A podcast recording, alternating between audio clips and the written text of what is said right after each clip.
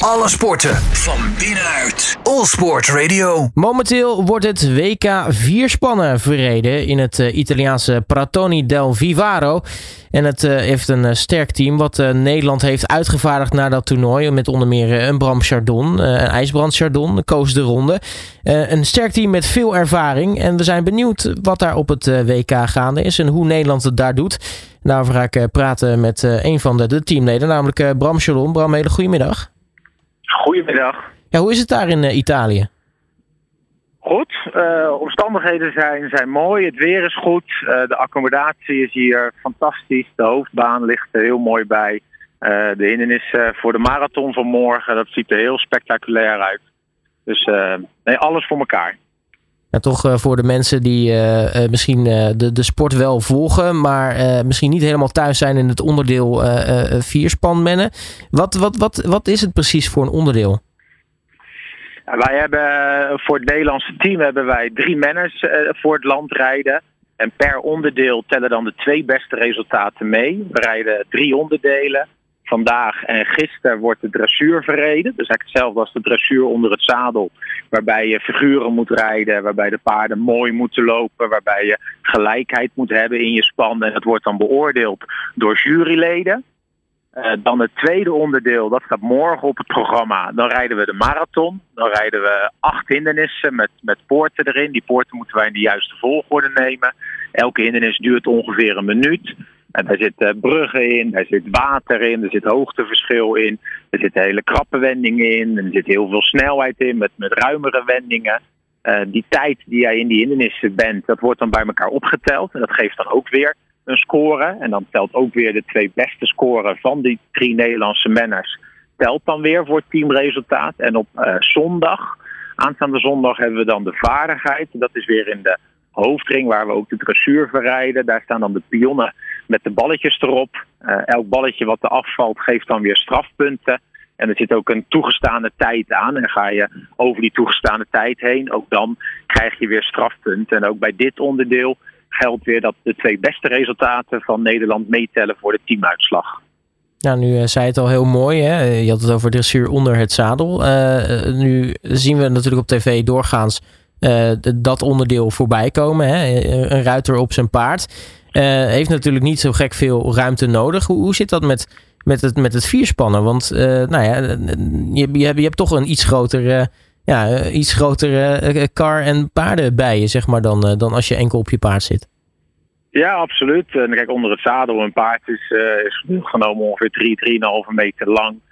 Bij ons is de koets is, is ongeveer 3 meter lang. Dan de twee achterpaarden en dan de twee voorpaarden. Dus je bent ruim twee keer zo lang dan onder het zadel. de dressuurring waar ze onder het zadel in rijden, die is 20 bij 60 meter.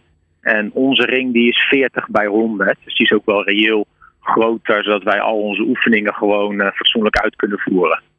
Ja, dan ben ik eigenlijk wel benieuwd, want hoe, hoe wendbaar kan je met zo'n uh, met zo'n met zo'n vierspan zijn?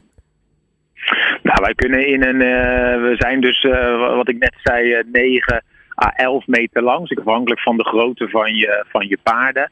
maar op een, op een breedte van 6 meter kunnen wij eigenlijk het span volledig omkeren. Dus veel ruimte hebben we niet nodig. Het span dat fout als het ware volledig in elkaar.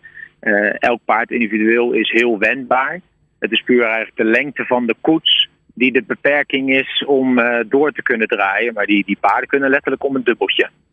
Ja, en dan, uh, dan, dan hoor je die, die lengtes en die afstanden en dat soort dingen. Dat, dat, dat geeft eigenlijk wel gelijk aan hoe bijvoorbeeld lastig dan zo'n zo'n behendigheidsonderdeel is. Want ja, je moet toch wel nauwkeurig kunnen sturen met zo'n ding natuurlijk.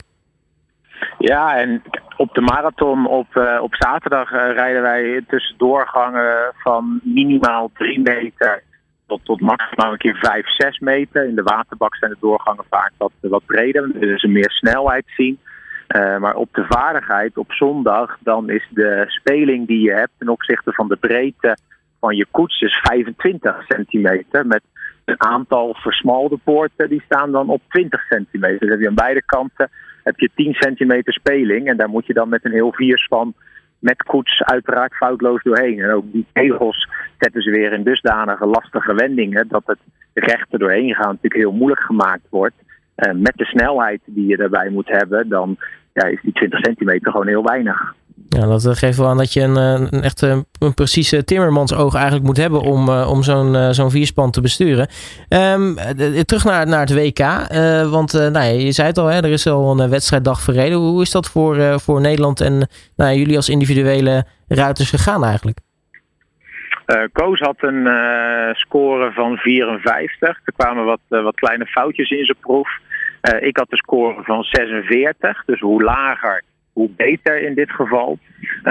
ook bij mij was dat iets teleurstellend. Ik had eigenlijk gehoopt op een score van in het begin 40, 2, 43. met het land staan we nog goed. er zijn nu twee Nederlanders geweest en twee Duitsers. En we hebben tot nu toe een voorsprong van drie punten.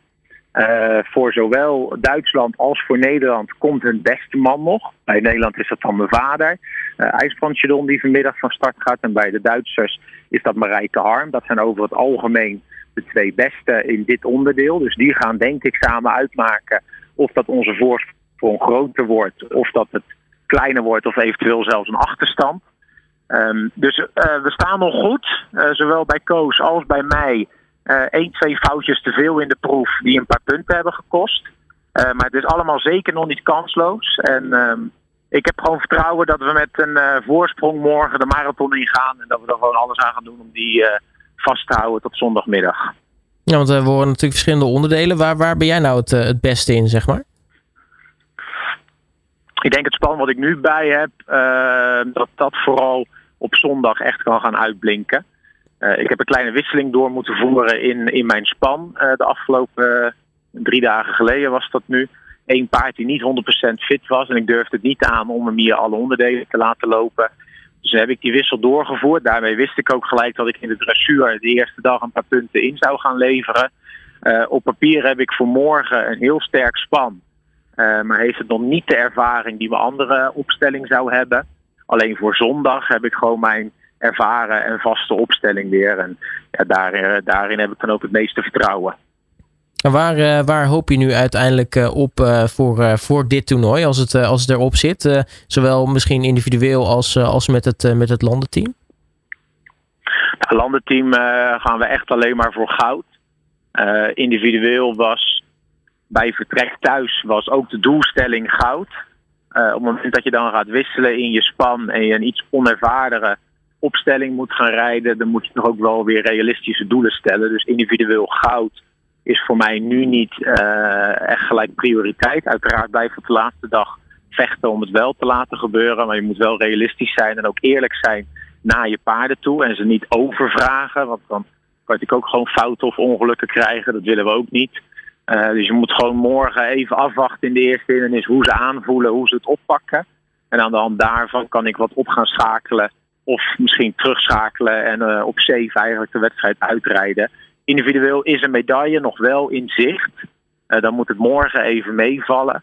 Alleen zeker zondag kan nog een hele belangrijke dag zijn voor mij, waarbij je ook nog echt kan klimmen in het klassement. Dus uh, normaal als team absoluut goud. individueel ook een medaille. maar ik ga niet blind voor goud, want dat zou ook tegenover de paarden op dit moment niet eerlijk zijn. Nu is het uh, WK natuurlijk uh, eigenlijk in elke sport zo'n beetje het hoogtepunt van het jaar. Uh, hoe zit het eigenlijk na het WK? Is dan het seizoen ook bij jullie een beetje ten einde of, of, of komen er dan nog, nog meer wedstrijden aan? Nou, ons outdoorseizoen, het buitenseizoen is dan klaar. Ehm, dit jaar hebben we ook het Nederlands kampioenschap gehad in Beekbergen. Die hebben we toen ook beter te winnen. Dus dat was een van onze hoogtepunten dit jaar. Met dan natuurlijk het absolute hoogtepunt deze week op de WK. Uh, daarna is het aftrainen van de buitenpaarden en de top 10 manners.